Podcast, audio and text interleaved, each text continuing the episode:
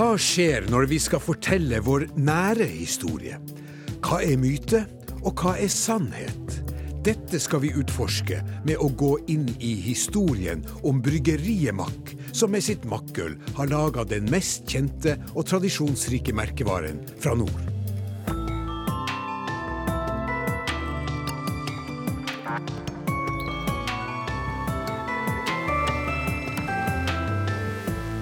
Hålogaland Teater hadde denne uka premiere på stykket Oppretten og Mack. Men historien om de menn og kvinner som skapte Macks bryggeri, er ikke bare lokalhistorie. Den er også historien om fremveksten av det moderne Norge. Her i studio har vi fått besøk av forfatter av stykket, Maja Bone Johnsen, og skuespillerne Anette Alsvåg og Finn Arve Sørbø. Og Finn Arve, du har en av hovedrollene i operetten om eh, Makko. Hva var din reaksjon da du fikk høre at Hålogaland Teater skulle sette opp en operette om historien til ølbryggeriet i byen? Jeg syns det var et veldig spennende tilnærming. Det er jo en forholdsvis nær historie som jeg jeg mener, eh, når jeg bruker meg sjøl som eksempel, var ganske sånn eh, ukjent. Eh, og, og det, ja, bare, bare, det enkle elementet at eh, jeg ikke visste hvordan, eh, hvordan, rekkefølgen her har vært. Hvorfor det seg, hadde det seg sånn at denne Ludvig Mack eh, ikke overlot det, eierskapet videre til en av sine sønner, men gikk det godt til svigersønn osv. Eh, men, men jeg syns jo hele den tidskoloritten der, det er jo det er veldig spennende å, å, å forske litt i det. altså. Det er kanskje sånn uh, i, i, hverdagen vår at uh, der vi bor, hvor enn i landet vi bor, så er det mange ting vi tar for gitt og ikke kjenner historien til. Ja, absolutt. Og, og det her er et veldig godt eksempel på det. Uh, og så plutselig, når, når, når, Maja da tok oss med inn i dette universet, så, så kjente jeg på mine, mine, egne besteforeldres liv og levnet. Det ligner jo veldig på det. En, en voldsom oppblomstring i en periode før de gikk rakt i grøfta, og, og så fortsatte de å leve som de hadde gjort, uten vi, å ha penger til det. Ikke sant. Vi, vi, skal ta for oss disse tingene her etter hvert. Men uh, makkølet, det hadde du vel et forhold til? Ja, du, det, du, det mener jeg jo at, at, alle nordlendinger har jo det. Eh, og, og, i hvert fall hvis man spoler noen år tilbake, da var det jo på en måte Du var jo en, du var jo en forræder hvis du drev og drakk noe annet enn makkøl. Det var jo uhørt. Eh, I dag er jo selvfølgelig situasjonen en annen. Det er mange flere merker på markedet. Nå er det jo, da flommer det jo over, selvfølgelig. Men, men det var ei tid hvor makkøl var, som du var inne på i sted, synonymt med Nord-Norge. Når drakk du din første makkøl? Nå snakker vi ikke om det. Jeg har, jeg, har, eh, jeg har, fortalt den historien til mine ungdommer nettopp, men det, det egner seg jo ikke på radio. Å oh ja. Jo da, kom igjen. Nei, eh, det, det, kan, Korthistorien er at eh, jeg gikk da som 16-åring inn på en butikk. Jeg hadde lånt et nøkkelknippe, bilnøkkelknippe av min kompis som jeg gikk og svinsa rundt med i butikken. Kom til kassa, og den gangen så var det sånn du fikk øl i kassa. Så hadde jeg kjøpt ett brød en melk. Og så spurte damen var det da noe mer, og hører jeg meg sjøl si ja, forresten, en kasse øl. eh, og da fikk jeg min, kjøpt min første kasse eh, øl over disk der. Det var, eh, men uh, utrolig nok fikk jeg det. Men dette må selvfølgelig ikke sendes. Altså. Det nei, det må vi ikke si bort til, til noen. Ikke si et ord til noen. Det er et, et, et løfte. Uh, Maja Bone Johnsen, det er du som har skrevet stykket. Og før vi går videre, så skal vi høre et uh, lite utdrag. Og da går vi inn i handlinga da grunnleggeren Ludvig uh, Mack dør i 1915.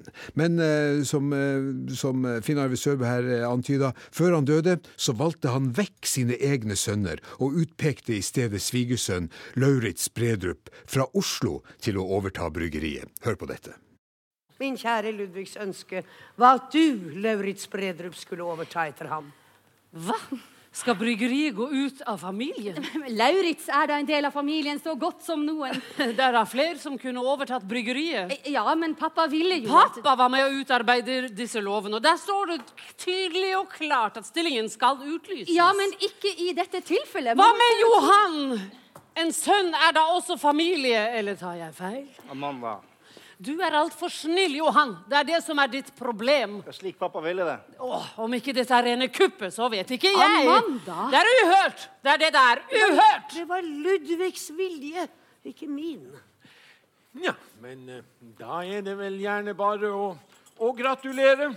Gratulerer, Lauritz. Ja, jeg må få takke for tilliten. Ja, det er galskap. Maja Bone Johnsen, eh, det er du som har skrevet dette her. Ta oss med inn i eh, dette familiedramaet. Hva, hva er det som skjer her? Nei, det som skjer er jo at eh, de gir stillinga som administrerende direktør over til Løritz Bredrup. Og det var jo veldig uvanlig. Altså det var jo ikke en, en, selvfølge.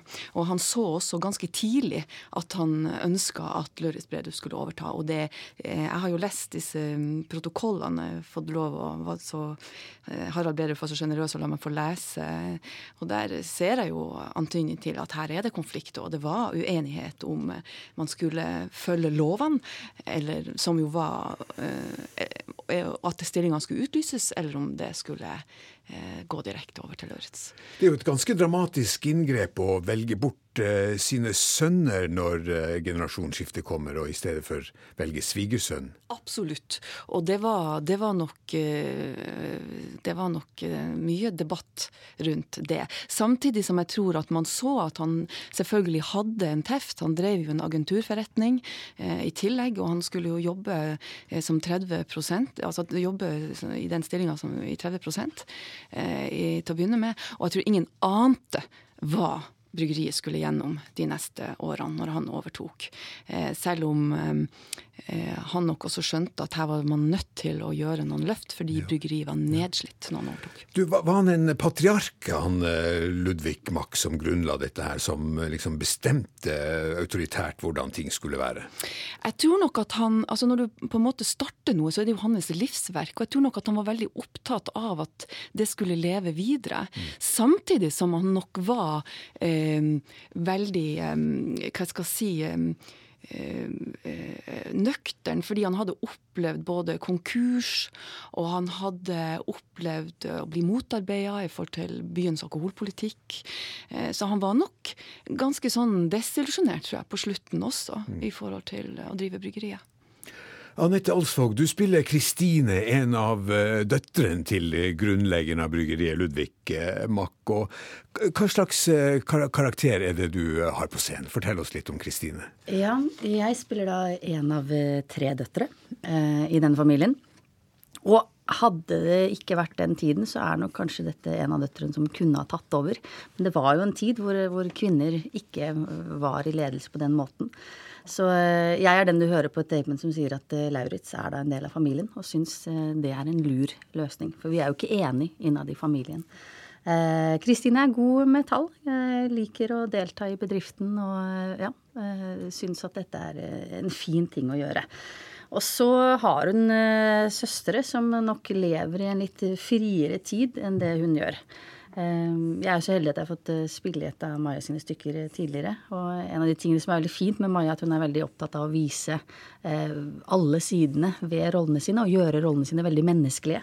Så dette er på en måte ikke et blikk utad, men vi kommer inn og får sett hvordan disse menneskene lever sine liv, på godt og vondt. For du er jo da en, en borgerskapsdatter i Tromsø i en brytningstid eh, ja. ved begynnelsen av århundreskiftet. Og uh, hvor, hvor, hvor, progressiv var borgerskapsdøtrene på, på den tida her? Var, var, de selvstendige, eller uh, hva? Både ja og nei. Ja. Og det som er litt fint, at uh, i denne familien, fordi at Maja har valgt å skrive som hun har gjort, med å, å, å Hun har jo kalt det en skrøne mange måter. Eh, fordi at eh, hun har slått sammen litt karakterer, og det er ikke dokumentarisk. Det er historisk riktig, men det er ikke dokumentarisk. Eh, og dermed så får du vist hele spekteret blant de søstrene. Så vi eh, er frigjort på veldig forskjellig vis. Og jeg er nok den som er minst frigjort eh, på mange måter. Så en del av min frigjøringskamp, eller mine søstres kamp for å få meg frigjort, vil man se på scenen. Eh, både kroppslig og mentalt. ja, for, for, for, for denne tiden her så, så, så tør noen eh, kvinner å, å, å vise sitt, eh, sine erotiske sider ja, også? Ja, absolutt. Og det er jo en stor del av det. Vi, går, vi begynner jo i 1913 og 1915, og så går vi over i 20-tallet. Mm. Og det er jo når da skjørtekantene heves og uh, kort håret klippes kortere. Og noen av oss omfavner det, mens andre må presses litt mer inn i det, da. Vi føler vel i dag at vi, vi lever i en ja, Vi føler vel i dag at vi lever i en uh, brytningstid, men, men alle tider, uh, Maja Bone, har vel vært brytningstider? Ja, det er jo det som fører verden framover. Og så syns jeg det er viktig å si at jeg har skrevet dette manuset i samarbeid med regissør Trond Lie. Det er veldig viktig for meg å få fram at vi har skrevet det i samarbeid. Mm. Du hører Hva skjer? i NRK P2. Finn Arve Sørbø, du spiller da den foretrukne. Du er svigersønn eh, fra, fra, fra, Oslo som eh, kommer inn og, og, tar over. Og på det tidspunktet du, eh, din karakter Lauritz Bredrup tar over, så er det litt krise for bryggeriet. Det er, har ikke vært eh, investert nytt, det har ikke vært vedlikeholdt. Eh, og jeg forstår det sånn at Ludvig Mack, når han gir da denne bedriften over til, til deg, da, da var, han, eh, var han ikke så fast i troen på at dette her var et, en bedrift som kunne fortsette inn i fremtiden? Nei, altså, han, han hadde han følte at verden hadde gått imot han. Han hadde kausjonert for andre, det hadde vært veldig svingning i økonomien der.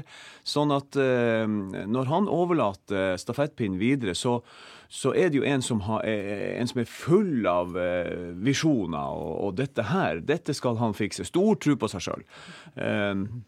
Men han får jo selvfølgelig fort merke at eh, det, det butter imot der òg, og ikke minst tidene i seg sjøl. Eh, hvor, eh, hvor, du har det er, det er, det, er, ingen som klarer å drifte noen ting som helst i, i, i Nord-Norge, og, og, ikke Tromsø spesielt heller. Sånn at han, han får merke at det, er, det, var ikke så enkelt som han trodde, nemlig bare å investere litt ekstra penger, og så skal dette gå på skinner. Altså. Mm, jeg syns det er fantastisk at vi får se en tid hvor alle, både den store og den lille, holdt jeg er avhengig av naturen og ting rundt. Hvordan fiske eh, avgjør mm. hvorvidt byen og folket har det bra eller ikke. Ja, ja. Der, eh, det jo, føles jo lenge siden, men det er jo ikke lenge siden. Nei, det er jo ikke det. Og det, det, er, sånn det er, veldig interessant at, at, det skal ha så mye å si mm. om det kom sild inn fjorden eller ikke. Det er jo ikke til å tro. Og også været. altså Var somrene kalde, og hvordan er det med, med de som kommer utenbys fra og inn til Tromsø og handler? hvordan hvordan er det med, med deres eh, avlinger og deres eh, drift. Og har dem, eh, det er jo kyr som, som, som, dør, og plutselig har de ikke mat til, til dyrene sine. Den grunnleggeren av eh, Max bryggerier, han, eh, Ludvig Mack, han var jo en mann med, med mange ideer. Og, og, en ting som fascinerer meg veldig når man går bakover i historien, det er jo å se på hvor oppfinnsom den var. Altså, Jeg ante jo ikke at i 1907 så lanserte Mack sitt første alkoholfrie øl. Mm, helt riktig. ja? Det var ikke jeg heller klar og, og i, i, i, annonsen så, så, det, så skrev Ludvig Mack 'Prøv mitt absolutt alkoholfrie maltøl, der utmerker seg ved stor ekstraktstyrke, næringsverdi og friskhet. Yes. Og Maja Bone, eh, når han lanserte alkoholfritt øl, eh, var, var han pressa til det på en måte? Altså, var, altså Alkoholdebatten her i byen jo, jo, hadde jo steile fronter. Ja. Og det var, det var uh, en avholdsbevegelse som sto veldig sterkt. Og etter hvert også som var sammen med arbeid, at arbeiderbevegelsen vokste fram. Ja. Og det var jo ikke til å stikke under en stol at det var et problem her med, med fyll, og folk drakk sprit og det var, det var Det mente jo også Ludvig Mack når han grunnla bryggeriet, at det var et problem. Men det var jo en masse sånne små spritbuler, og folk, eh, folk var fulle. Ja. Ja. Han mente jo at, at uh, produksjon av øl kunne være en motvekt til det. Ja, han ønska jo at precis. dette mildere og, og tross alt uh, med, med, ja, det var, ikke, det var, ikke, å gå så langt som å sitte ute og drikke sprit. Det var litt mer ja. ja. Det kunne motvirke fyll, rett og slett, mente han også kunne være med på. Det var faktisk et innspill i alkoholdebatten. Ja. Dette, dette, er jo en vesentlig del av norgeshistorien. Altså, det, dette med, med, alkohol det, altså Dette med at spriten fløyt over i, i veldig mange samfunn samfunn. Altså, alkohol ja. har jo skapt veldig mye mange problemer for veldig mange opp gjennom tiden. Veldig mange, og det er jo viktig å huske på at det er jo også ja, Det håper jeg også vi får frem i stykket, at det er jo eh, altså at Avholdsbevegelsen og arbeiderbevegelsen hadde jo veldig veldig mye for seg også. Og at det er jo viktig å alltid problematisere og debattere eh, spørsmålet omkring alkohol.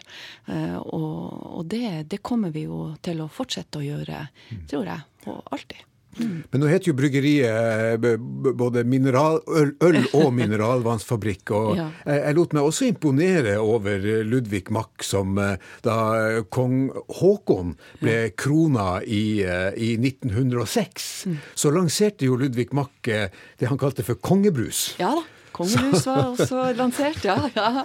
Veldig kreativt. Brus med kongesmak. Ja. Og så hadde du, var jo en av sønnene sin idé, det her med mineralvannsfabrikk. Ja. Og det betydde jo veldig mye når forbudsårene kom, at de faktisk også solgte mineralvann. For det var jo forbud eh, mot Altså det var jo forbudsår, og det var også eh, nesten ikke Altså i mange år ikke mulig å kjøpe øl eller vin innendørs i byen her. Det skulle man ikke tro per i dag. Nei, det skulle man ikke tro per i dag. For i dag får man kjøpt overalt. I dag får man kjøpt overalt, mens den gangen så var det utsalg ved Mack, og dermed så danna det seg jo masse små friluftsrestauranter, som det ble kalt, rundt omkring i bryggeriets område. Og den største var jo Sørseteen, som ble Som er en mollo i Tromsø. som er en mollo i Tromsø, ja. Som var verdens lengste friluftsrestaurant. Ja. Der har vi jo et eh, nummer nettopp i forestillingen Mhm. som eh, verdens lengste friluftsrestaurant. Ja, Det, det har vi. Det blir gøy. Det blir gøy. Da hører vi litt på det. Da åpner vi sjøl restaurant med bevertning. Et sted der de alltid serverer en te. Interiøret hos oss er i all slags stil. Fra kuling til snøkopp til storm. Det blåser kulingsnø og storm. Men varmen den må du sørge for sjøl. For bare glimt viser sola i form.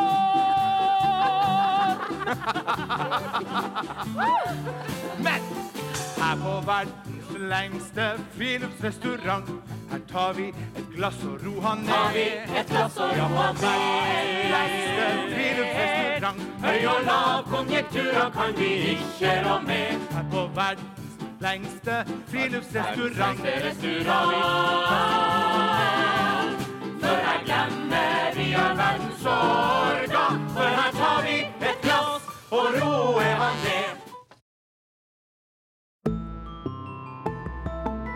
Maja Bone Johnsen, eh, hovedhandlinga i, i, stykket ditt foregår i, eh, i det du kaller for de vanskelige 20-årene. Jeg har hørt om de, de harde 30-årene, men eh, de, de vanskelige 20-årene har vel forsvunnet litt ut av eh, fokus. Hva var det som var så, så vanskelig? Nei, det som skjedde var jo at du har jo ferdig med man tenker som ferdig med første verdenskrig, og nå går det bare framover, og så kommer 1919, 18, så ser det bra ut, og han investerer jo masse, og så plutselig så blir det nedgangstider, og fisket slår feil mange år på rad. Mm. du har eh, banker som ikke klarer seg, og folk begynner å gå konkurs i byen. Eh, eh, flere bedrifter, eh, og så får du eh, store bedrifter som både Mack og Skipsverftet setter ned både lønninger og arbeidstid. Og det, det blir rett og slett noen utrolig vanskelige år. Kriseår etter høykonjunkturen på, under første verdenskrig. Yes! Ja. Og, etter første verdenskrig. og så får du også på slutten av 20-tallet, så er det virkelig beinhardt. Altså, det er kalde somre. Du har vanvittig vanskelige isforhold oppe i Vestisen. Eh, fiske slår feil. Og når fiske endelig slår til i eh, 1927, så får de ikke betalt for det. Så prisene er elendige. De sitter igjen med enda dårligere eh, lotter, som det heter, enn året før. Du, det å studere historien og se hvor avhengig samfunnene var av, eh, av naturens gang, eh, av, av, av klimatiske forhold eh, de, den gangen, det gir vel noen assosiasjoner Ja. til hva vi lever gjennom Ja. i dag? Og det er akkurat det. Så jeg kjenner jeg blir veldig sånn berørt av det. Fordi det, man, vi er så knytta til naturen, og vi var det den gangen. Også fordi jeg må bare si at vi var jo, drev mye med handel i Tromsø. Det var ikke så mye industri. Dermed ble vi enda mer sårbare for naturen. Men i, i dag også er vi jo der igjen. Vi er jo så, så, så akkurat som vi har levd på en slags illusjon, mener jeg, noen tiår. Hvor vi på en måte trodde at vi kunne liksom heve oss over, og det var bare å uh, finne opp nye maskiner og nye uh, invensjoner. Så kunne vi på en måte heve oss over naturen. Så det er grunn til å problematisere at det, teknologien redder oss nødvendigvis Nei, ikke? Nei, absolutt. Og det, og det, tror jeg man trodde. Man trodde man var, nå var det liksom bare fremover og oppover. Og, og det, det, trodde man kanskje på slutten av 20-tallet òg, når de er jo gjennom kneika, så tenker man at nå Og så er det faktisk eh, ikke sånn. Og vi er i høyest grad i dag i den samme problemstillinga mm. som den var da. Du, Anette Alsvåg, eh, når du spiller i, stykket som dette her, og, Maja Bone Johnsen kommer med den type problemstillinger, eh, blir, blir du engasjert i, i, i liksom situasjonen i dag med å spille en karakter fra 20-tallet? ja, absolutt. og jeg, de linjene som Maja snakker om nå, er også ting vi ser. Eh, og det er jo sånn man på en måte må kjenne seg igjen i en, i en karakter òg. Jeg kan ikke vite hvordan det var den gangen da, så jeg må trekke linjer til hvordan kan jeg relatere meg til dette. Og det er jo akkurat, eh, akkurat det. Og jeg syns kanskje noe av det viktigste er den derre avhengigheten av hverandre. At man er aldri aleine. Man kan ikke være aleine. Aleine overlever du ingenting. Det var en tid hvor det var hardt på mange måter. Barnedødelighet og sånne ting som ja, som vi føles langt fra oss nå. Men uh, det er fordi at vi lever i en vestlig del av verden som er veldig heldig. Men uh, vi er alltid avhengig av hverandre. Og det handler stykket mye om oss at vi er nødt til å holde sammen. Det er kampen for tilværelsen for oss alle. Per Christian Olsen spør hva skjer i NRK P2? Hva er myte, og hva er sannhet i vår nære historie? Hålogaland Teaters forestilling 'Operetten og Mack' er også en beretning om fremveksten av det moderne Norge. I studio manusforfatter Maja Bone Johnsen og skuespillerne Finn Arve Sørbø og Anette Alsvåg. Harald Bredrup er i dag administrerende direktør for Macks Bryggeri. Han er tippoldebarn av grunnleggeren Ludvig Mack. Kollega Marit Garfjell tok en prat med Harald Bredrup og spurte hva han tenkte da han fikk høre om planene om å lage operette av slektshistoria si. Nei, Jeg tenkte at det var jo egentlig på tide, for det er jo en eh, veldig interessant historie. Jeg har jo sjøl eh, satt meg godt inn i den historien, så, så, jeg tenker at det må bli godt uh, stoff. Hvilke historier er det som bæres frem i familieselskaper fortsatt? Nei, det er klart at uh, de som Altså den generasjonen som er liksom over min far, uh, sa ikke veldig mye om uh, de tingene. Så jeg tror veldig mye ble for tida. Men, men jeg har i hvert fall skjønt såpass at det mangla ikke på, på motsetninger. og, og det var selvfølgelig forskjellige meninger om hvordan, hvordan ting burde gjøres. Ja, ikke minst da Ludvig Mack bestemte seg for at det var hans svigersønn som skulle føre bedriften videre. Hva tenker du om det valget som han gjorde i, på begynnelsen av 1900-tallet? Altså det, det, som er litt artig, er jo at, og det som også Maja baserer på, er jo at vi har jo alle de skriftlige protokollene fra denne tida. Og dette er jo da et familieselskap eh, med, med, ganske mange barn, og flere av de var direkte involvert i drifta. Eh, og alle deres personlige eh, forhold ble jo liksom tatt opp, om det var dårlig økonomi eller anstrengt forhold til alkohol eller hva det måtte være, er jo tatt opp i protokoll, altså i generalforsamling, eh, i plenum.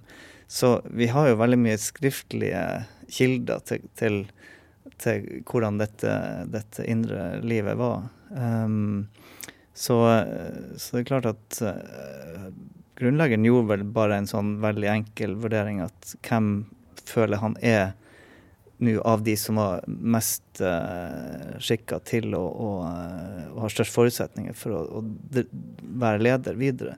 De to, det var jo to øvrige sønner uh, av grunnleggeren som, som, fortsatt hadde veldig sentrale roller i bedriften, så, så ingen var jo ute, men, men, uh, men han valgte den ene da som, som ville være leder. Mm. Nå har du jo også jobba med å tilrettelegge for hun Maja for å kunne gå inn i historien. Og som du sier, disse protokollene de har sikkert vært kjent i familien, men har du sjøl oppdaga nye ting, nye sider ved familien eh, ettersom dette, denne operetten eller teaterstykket har blitt til? Ja, altså jeg har, eh, jeg har, jo hatt en veldig stor interesse for historie, eh, og har jo brukt ganske mye tid på å samle historiske kilder. Eh, både alt ifra avisartikler som har vært opp gjennom tida, og som forklarer litt av, av bildet. Altså Protokoller er jo er jo gjerne kortfatta ting, så, så, så avisartikler og intervjuer sånt har jo vært andre kilder. Så har det jo vært skrevet en historiebok, eh, men som jeg i ettertid ser at nok ble skrevet eh, veldig sånn forsiktig, fordi at eh, alle som, som, var en del av det, levde fortsatt. Så det er klart at når man nå ser på protokoller og ser på, på en del av, av det materialet, så, så er nok så det er nok ting som er litt skjøvet under teppet i, i, i, den offisielle historien. Og nå når teaterstykket tas eh, til scenen, så er det også det er ikke en korrekt framstilling av alle hendelser som skjedde. Det her er jo Eh, karakterer som er smelta sammen. Og det er gjort en del eh, kreative grep for mm. å eh, få en bedre dramatisk fremstilling av de første årene til, til Mack ølbryggeri. Hva du tenker om de grepene som, som Maja Bona har gjort? Jeg tror det, tror det, er veldig bra. Eh, nå har jo hun hatt et, et vell av interessante, reelle skikkelser å ta av. Så jeg tror hun hadde en relativt grei jobb med, med å lage interessante uh, rollefigurer. Men jeg tror også det, det, det er riktig av, av, flere grunner, også fordi at uh, altså i alle sånne familiesammenhenger så er det klart at noen ting er kanskje mer touchy enn andre ting. Uh, vi vet jo ikke eksakt hvordan disse personene var. Altså, ting er jo gjenfortalt, og ting er, er beskrevet av andre, og det kan være farga av, av så mangt. Og de her protokollene som er en ren sånn historie, er jo ikke heller eh, egnet til å beskrive eh, personer. Så, så, jeg har jo lest manus, og eh, det er jo en frodig, frodig historie. Kan du dra noen paralleller til i dag, når du leser den, eh, den første historien? Det er jo veldig mange paralleller. For det, altså, egentlig så er jo på mange måter eh, det dette beskriver, veldig likt det vi har opplevd de, de siste eh, sju-åtte årene. Det er akkurat den samme. Han sto overfor et, et, et veldig vanskelig valg. Han overtok eh, et helt nedslitt bryggeri. Vi hadde første verdenskrig. Liksom ble litt sånn optimisme etter, etter krigen, men så så kom det jo en beintøff mellomkrigstid som for så vidt ikke bare ramma Tromsø, men, men, egentlig var jo, et, var jo en tøff tid eh, gjennom hele, for hele Europa, egentlig, den, den, den perioden som beskrives her. Eh, men, og det, det, er litt det samme dilemmaet som vi sto overfor. Et, et, bryggeri midt i sentrum. Eh, skulle vi ta det store, store valget og, og bygge et helt nytt bryggeri? Og det er ikke problemfritt. Eh, og det var ikke problemfritt den gangen. ikke sant? Det ble forsinkelser, det ble overskridelser, det ble problemer med finansiering. Eh, veldig likt det, det, situasjonen som vi har vært i. Så vi har det jo egentlig i hele vår, vårt verdigrunnlag og hele, hele liksom at um, liksom å se tilbake på de karakterene som sto gjennom det løpet der, og tenke at uh, fikk dem det til, så skal vi også få det til. Så det, det er en sånn man si, Historien gjentar seg, men det er veldig mange likhetstrekk med den historien som utspiller seg der, eh, som det vi har i dag. Det sa femtegenerasjons maktdirektør Harald Bredrup til kollega Marit Garfjell. Og manusforfatter eh, Maja Bone Johnsen. Harald Bredrup drar her klare paralleller til dagens situasjon. Viser stykket at det er viktig å være oppdatert på historien, at vi ikke kutter båndene til vår fortid. Det er helt, helt, helt klart. Og det har i det å jobbe både med Vestergata og også nå med Operetten om Mack Vestergata var ditt forrige stykke, må ja, vi si. Ja, ja, ja, Som også handla om historiske forhold i Tromsø, sett fra en annen vinkel. Sett fra en annen vinkel, ja. ja. Annet perspektiv. Så, så, vil jeg si at det har forbausa meg selv hvor historieløs jeg selv har vært om min egen by. Mm. Um, og det det er skremmende, for jeg mener historie er utrolig viktig fordi det kan eh, hjelpe oss til å gjøre noen gode valg for fremtida. Mm. Vi har jo eh, nylig hatt eh, markering av universitetet som da har 50 år. Ja. Og alle er jo enige om den enorme betydninga universitetsbygginga hadde for Tromsø, og fremdeles har for Tromsø. Men eh, jeg opplever nå at når Maja nå har skrevet dette stykket om Max, så blir vi på en måte mer klok på betydninga dette bryggeriet hadde for Tromsø i Mm, sin tid. Det var, det, var, det var også et enormt løft å ha en, en arbeidsgiver som, som 150 mennesker kunne gå til og få et fast arbeid hos. Ja. Og det var jo eh, Tromsøs nest største industribedrift. Ja, og, og det var en eh, det, var ikke, I enkelte tider i hvert fall var det ikke så stort, eh, stor avstand mellom eh, direktør eh, Bredrup og de ansatte. Du skriver, Maja, at, eh, at han til og med måtte gå til sine ansatte og låne penger. Ja. Kan for- Fortelle hva, hva, hva det var for, for noe. Nei, Man kunne se Lauritz Bredrup haste gjennom Storgata på mandager, for da skulle ølavgiften betales. Og Da hendte det han spurte både ansatte om å låne penger, og venner og bekjente på veien for å få til å klare avgiftene. Som eh, han sa sjøl, det var en bitter kamp med kontantene på, på siste. Og det er klart at og når det gjelder bryggeriet, så var det jo eh, eh, var det jo mange ansatte, og så var det jo i tillegg de som var avhengig av de som jobba på bryggeriet. Altså de som de forsørga. Hvordan er det å spille en sånn karakter, eh, Finn Arve Sørbø? Jeg syns det er store utfordringer. Det er jo egentlig ikke min idrett, det her, på en måte. Det er jo, Jeg holder jo på med tøv og fjas vanligvis, Eh, så nå får jeg jo utfordre meg på andre måter. Men veldig, veldig spennende å, eh, å gå inn i denne tida. Ja. Når det gjelder språk, class, ja, kostyme og ja, og ikke minst eh, forholdet menneskene imellom, hvordan man oppførte seg.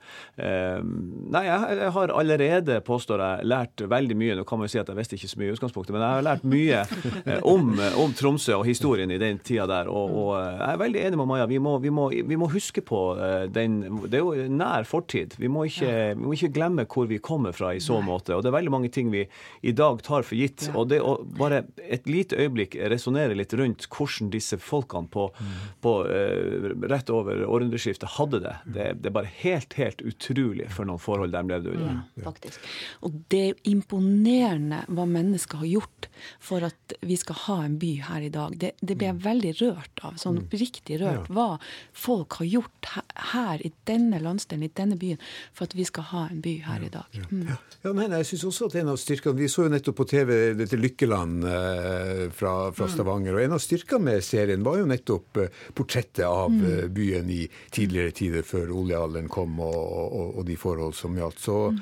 så, så, sånn at eh, interessen eh, burde kanskje for, for fortida burde kanskje bare øke på både, ja. både her, og, både her og, og der. Og eh, Finn Arve Sørbø, din karakter, eh, Lauritz Bredrup, han eh, han sa i intervju med, med avis her i, i Tromsø i, i sin tid at eh, han levde etter et motto han hadde lært av sin gamle lærer. Gi deg ikke før ryggen går.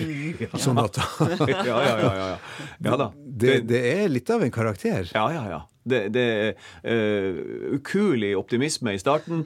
eh, og, men, men samtidig, eh, selv om det er noe butt imot, sånn som jeg opplever det nå Nå jo selvfølgelig ikke det her, Vi har jo ikke, vi har ikke opptak fra mannen sjøl, men, men, men, men en altså, veldig st- stå-på og entusiastisk fyr også helt på slutten, altså.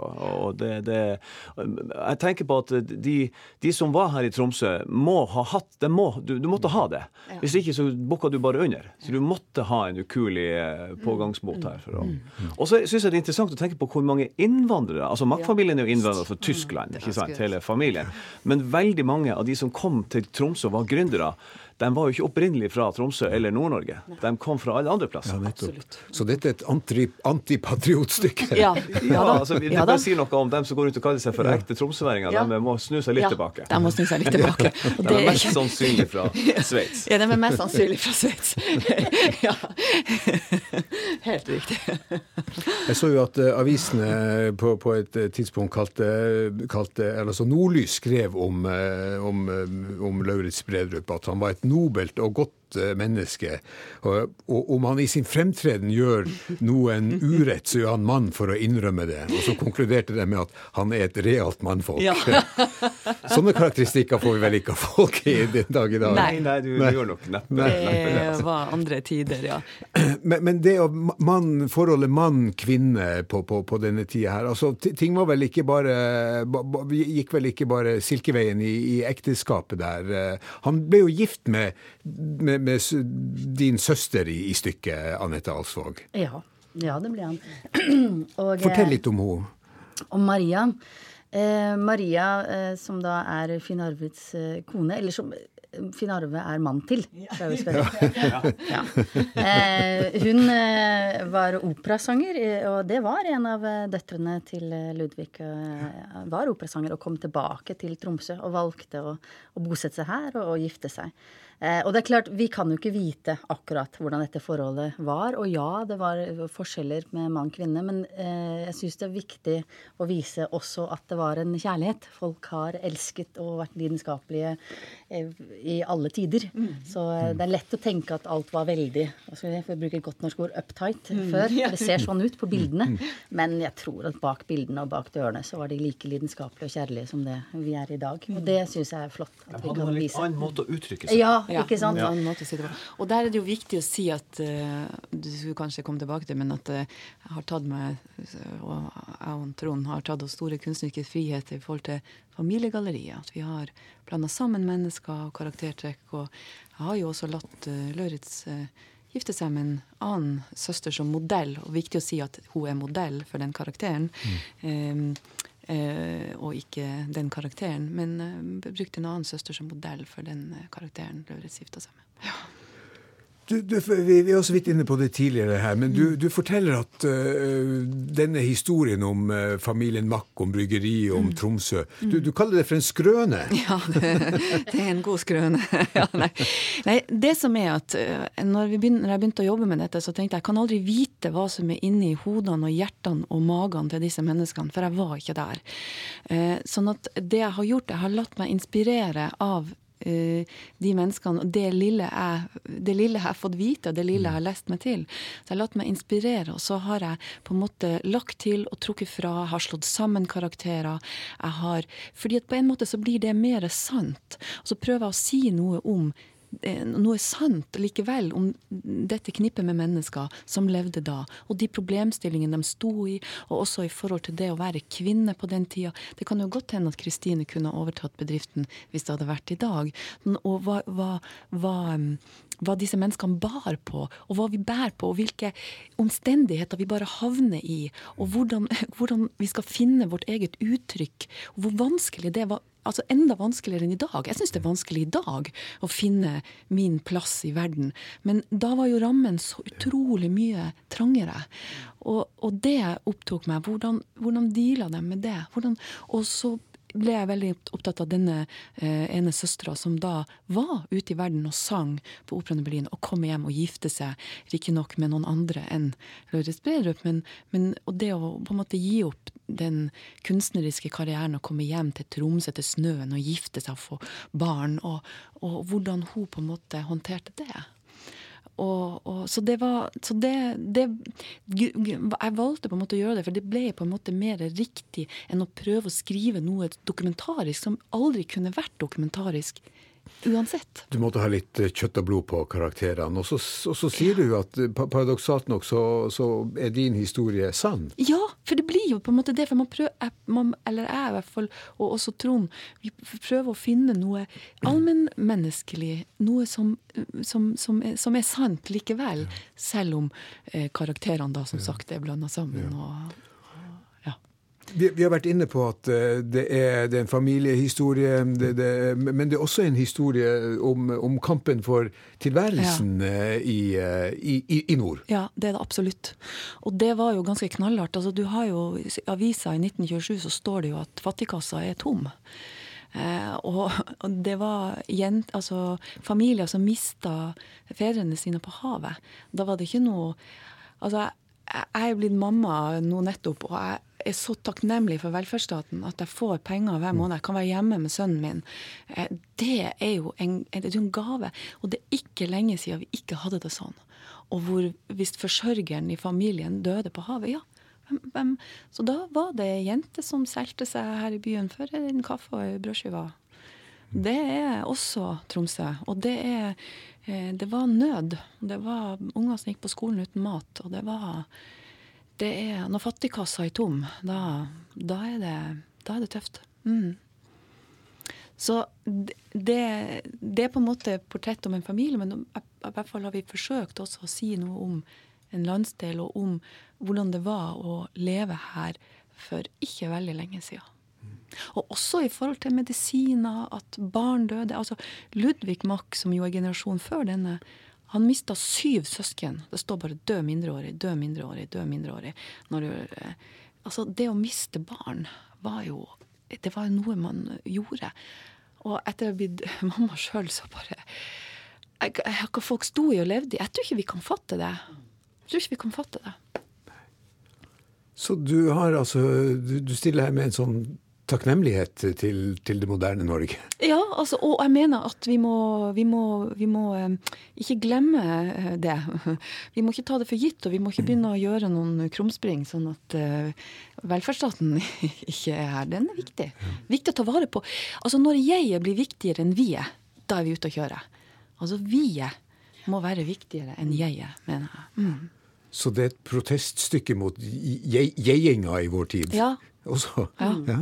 Det, det tror jeg vi er ganske enige om, og også Trond eh, Lie, tror jeg. Ja, ja, uten at jeg skal legge ord i munnen på han, så tror jeg at det er noe vi Så, så dere alle ser utvikling i, i, i samfunnet som, som dere vil advare mot? Ja. Er det så å forstå? Ja. Mm, det vil jeg si. ja. Absolutt. Bare du ser, Anette. Ja, jeg er helt enig. Det handler om eh, Altså, ja Hvis man bygger seg et høyt tårn på et fjell, så betyr ikke det at du overlever. Du må ha med deg resten. Vi er avhengig av, eh, av hverandre. Mm.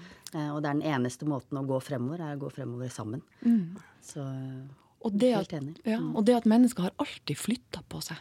Vi har alltid flytta på oss, vi har alltid vandra. Eh, eh, og som sagt, eh, vi, vi tromsøværinger bør ikke se langt tilbake før vi er både fra Tyskland og, og, og, og Sveits og gud vet hvor ifra. Og, Lyngen. Og Lyngen og Balsfjorden. Og, Det var jo noen her når vi kom òg. Så det er jo Vi kom jo òg fra Jeg synes det er bestandig litt artig. Jeg er jo veldig interessert i språket, men jeg, jeg synes det er interessant å tenke på at det har bodd folk her omkring sånn 10 000 år tilbake. Ja. Mm, Cirkum sarum. Men eh, det er bare 2000 av de årene hvor vi har snakka norsk her. Ja. Så før den tid så har de snakka noe helt annet. Ja. Så norsk er en relativt ny oppfinnelse. Og vi nordlendinger er også en relativt ny oppfinnelse. I tidsperspektivet. Ja. Det er viktig å ha noen perspektiv, for at vi kan bli så inne i vår egen lille tid at vi tror at ja, det er nå som gjelder. Eller det er nå. Nå er det. Nei, det er bare en liten tid. Det er masse øh, bak oss, og det er forhåpentligvis masse foran oss hvis vi ikke øh, tar livet av denne øh, fantastiske planeten vi har. Mm. Det skal vi ikke gjøre. Ikke på Nei, ikke- vi skal ikke gjøre det. det ikke. Men jeg syns det er interessant å høre den eh, ydmykheten dere alle tre har overfor eh, historien.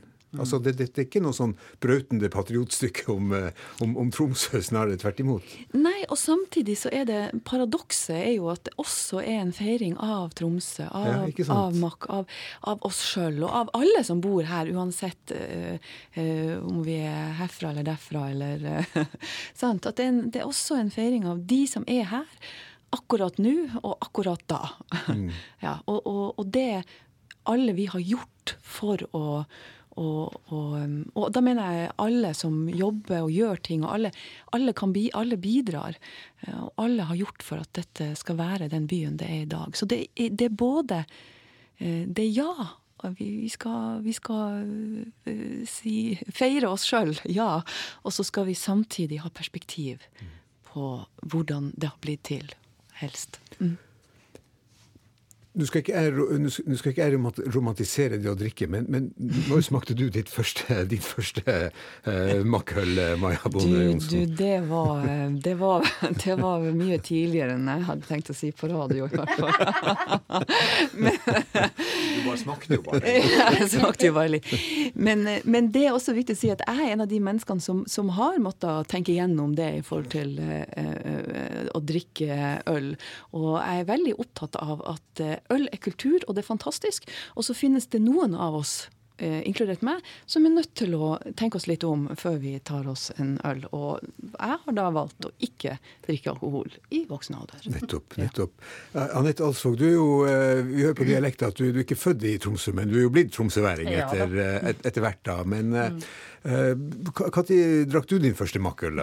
Det, det var nok etter at jeg flyttet opp hit for ti år siden. Men eh, ja, Finn Arve sa jo innledningsvis at nå er det ikke lenger sånn at makkøl er liksom ensbetydende med Tromsø. Men hjemme hos oss så er det det. Eh, min mann er veldig klar på det, at sånn er det. Og der eh, er det ikke makkølhus, så er det ikke øl i hus, egentlig. Så han, eh, han Jeg vet ikke helt hvem som ble mest glad av meg og han da jeg fikk eh, høre at jeg skulle spille makk.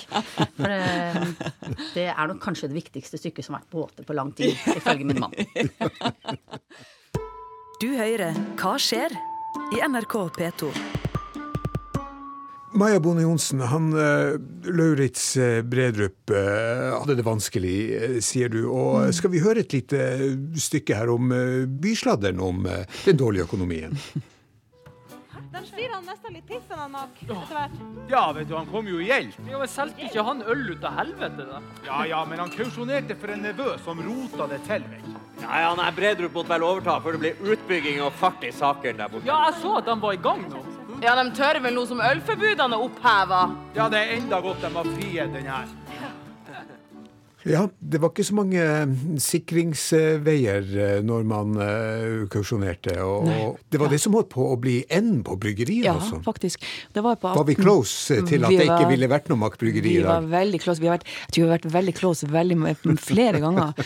Men i 1880-årene så var han veldig close, fordi da var det sånn her at man Det var vanlig, men det var små forhold. Man kursjonerte for hverandre, og han, Ludvig Mack kursjonerte for en nevø for å hjelpe han, og så går det ad undas, og dermed så hele, tar han med seg hele dominorekka. Og flere gikk konkurs, og Mack mista alt han hadde spart opp og havna i gjeld, og han var nødt til å dra nedover til Trondheim for å be om lån. Og det var en kanossagang, og så fikk han ikke svar med en gang. Han fikk det på vei hjem foran telegram på at han har fått lån. Så det var, det var på håret at det gikk over ende i 1880-årene. Og det var fordi at han var, tok vare på familieforhold og kursjonerte. og og, og det var sånn veldig vanlig, derfor så var det også veldig sårbart. Dette er på 1880. Det var 1880-årene kunne man også skrevet om. Det var også en veldig tøff tid i byen her. Etter en stor oppgang og gode fiske og sånn, så kommer det noen veldig tøffe år.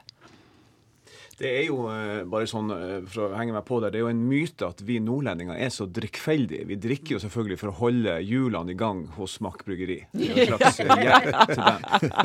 Et samfunnsansvar. Ja, det er et samfunnsansvar. Ja, det. Oppretten om Mack har flere sterke kvinneroller. Den sterkeste er familiens overhode, Agnes Mack, grunnleggeren Ludvig Macks kone. Når stykket starter, er hun blitt enke. Hun styrer familien med myndig hånd. Og for å spille henne har teatret henta inn en legende fra Tromsø. En av Norges største sangstjerner gjennom tidene, Kirsti Sparbo. Og jeg møtte Kirsti og spurte hun om hun følte styrken i karakteren Agnes Mack. Ja, hun fødte i virkeligheten ni barn. Jeg googla og jeg prøvde, måtte jo lete, for det sto bare om han Ludvig Mack. Ja. Ja, er ikke det litt typisk det at det bare står Ja, om Ja, det eh, er så typisk, så typisk. Men faren hennes dreiv altså et Han hadde spritbevilgning. Ja. Og det var der han Ludvig Mack jobba der. Der traff de hverandre. Ja, nettopp. Hun var en skjønnhet som ung. Men hun ble altså over 90 år gammel. Fødte ni barn, og så ble hun tidlig enke. Han dør, så hun sitter der. Men, men iallfall, han hadde spritbevilgning, faren. I helvetesveita hadde han et sånt skjenkested. Og jeg husker jo bare helvetesveita. For han, han blåser av Beiling bygger snøfestning oppå den helvetesveita. Han, han mannen kommer gående med en pose fra kranen. Du husker fra vett og uvett, ja. Eh, så jeg kjente jo til helvetesveita. Men, men um... Det et, for de som ikke er født i Tromsø, det- kjenner Tromsø fra før av, det var et lite smuge midt Det er nede i byen. smuget, ja. Jeg husker godt helvetesveita. Men i alle fall så um, Det hun gjør, fru Mack, når det begynner å gå dårlig, for han vil modernisere han Bredrup og utbygge Hun pantsetter alt hun eier og har. Leiligheter, hus, jordstykker, alt. For å, å sette i pant for, for å holde staten unna til den ølavgiften blir betalt. Så hun hjelper han, og så går det nesten helt galt. Dette er en tid hvor bankene går konkurs også. Det er fryktelig tragisk tid i Tromsø. Silda slår ikke til, altså fiske, folk, det er masse fattigdom og elendighet. Men som oftest ordner seg til slutt. Akkurat dette med Agnes eh, sin rolle, og kvinners eh, rolle i, i, i samfunnet, det er som vi var inne på, eh, skjult. Men Agnes var jo med, må, må jo ha vært med hele tida når Ludvig Bredrup Nei, unnskyld, Ludvig Mack starta ja, bedriften. Må jo ha vært sterk, altså. Men hun fødte jo alle disse ungene her, så jeg vet ikke hvor mye hun har fått tid til. Men jeg tror det var en stor kjærlighet mellom henne, iallfall i stykket det med han Ludvig Mack. Men hun, hun skjønner det, for han har vel sagt at det er han, svigersønnen, som kan evne å drive denne bedriften her. Ludvig Mack dør jo i 1915 når stykket tar til, og da er det altså din karakter, Agnes eh, Mack, som eh, prøver å, eh, å, å, å for, forvalte bedriften videre. Og, Ja, og hun hun stiller overlatt- hun overlasta altså Hun overlater styringa til han, eh, han Bredrup. Lauritz Bredrup. Men det er klart at når det begynner å bli gå dårlig, så, så stoler hun på han og ser at han jobber og ser at han sliter. Så hun pantsetter alt hun eier og har, og det er ganske mye. Altså, det, det med å desavuere sine barn, det, det er en ganske sterk eh, avgjørelse. Ja, det er veldig sterkt. Men uh, hun har vel snakka med han mannen sin da. De har forstått at det er ingen andre enn svigersønnen som kan klare å, å overta. For han jobber hos han svigersønnen. svigersønn. Og så han gifta seg inn i familien. Ja. Han var litt lur der, da. Eh, men men det, det var en kunstnerisk åre i den familien. Så det var, i i, i- i Mack- Mack-familien, ja. der. Så den ville, en ville bli forfatter, en ville bli malere og sangerinner. Og, så det var forskjellige Men det var en, en kunstnerisk åre. Så de hadde ikke det store Ja, og så så vel han Mack at hvis det er noen som kan klare det, så er det han som er det han Bredrup, som har jobba for Mack. Det er jo Maja Bone Johnsen som har skrevet eh, dette stykket, og hun er jo fra Tromsø. Og, Hvordan var det å få manus i hendene? Veldig interessant. Og jeg, jeg mener jo at dere har her en, en gryende Cora Sandel. Det var jo vakkert sagt. eh, Ja, men jeg mener det. Hva er kraften hennes? Jeg syns det er ganske utrolig at hun jo I forhold til min alder så er hun veldig ung. Og nyfødt lite barn. Og, og så ha så masse mye klokskap inni hodet sitt som det hun har når du leser manuskriptet. Det syns jeg er imponerende. Hvordan kommer den klokskapen til uttrykk? Ja, jeg kan gi ett lite eksempel. Imma har en replikk hvor det sykler et sånt forelska nytt, eh, ungt, eh, nyforelska ungt par forbi. Og så sier jeg ja, den sunne fornuft inntreffer oftest når de viktige valg er tatt. Ja, det er noe å grunne på. Mm.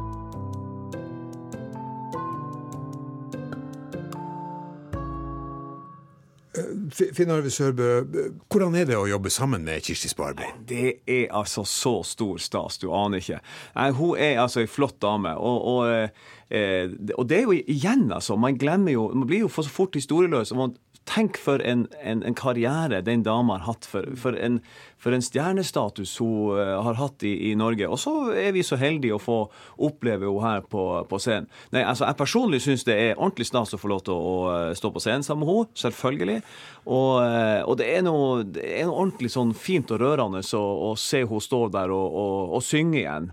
Eh, jeg syns i hvert fall det. Jeg, jeg blir ordentlig varm om hjertet når jeg, når jeg hører henne der. Så det, der kan folk forvente seg en, en fin og flott opplevelse.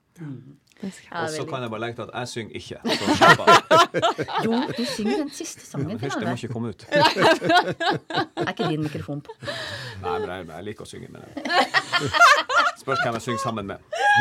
Drikkevise på Ølhallen derimot, der kan jeg komme og være med. Ja. Fantastisk.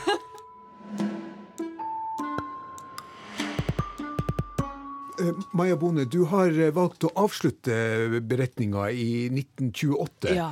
Og det er et merkeår i, i Mack eh, Bryggeris historie, for hva skjer i 1928? Eh, Det vil jeg si at det er også Det er jeg og Trond som kom fram til det. At det er jo en, en riktig sted å avslutte, sier Trond. At eh, 1928, for da åpner Ølhallen i februar. Og det er jo noe som faktisk fortsatt står den dag i dag. Så det er en, en eh, vi, Trond var veldig opptatt av det. Var et godt sted å avslutte. Du må fortelle hva er Ølhallen, Maja? Du må fortelle det, for det er jo et spesielt sted. Ja, altså det var jo, det var jo etter eh, mange år hvor man ikke kunne drikke innendørs i Tromsø, så åpner jo Ølhallen i 1928, og endelig havner et sted der kan man drikke innendørs. Og der kom jo Altså det er jo, herregud, det er så mye karakterer og historier som har kommet dit og drukket opp gjennom tida. Fangstfolk. Fangstfolk, fiskere. Og alle, alle byens folk har jo, had, har jo et forhold til Ølhallen og sitter og drikker der. Store isbjørnkongen Yes, eh, hadde jo legendarisk eh, Hadde jo Ja, stambord, ikke sant? det hadde han. Hans og bord. sånt, så, så Men når åpna Ølhallen den gang på morgenen? Klokken syv. 07.00. Og det er jo helt utrolig. Ja, ja, det er fantastisk. Som, som, man skulle ikke endre folks vaner, man skulle bare gi dem et sted å drikke en innendørs.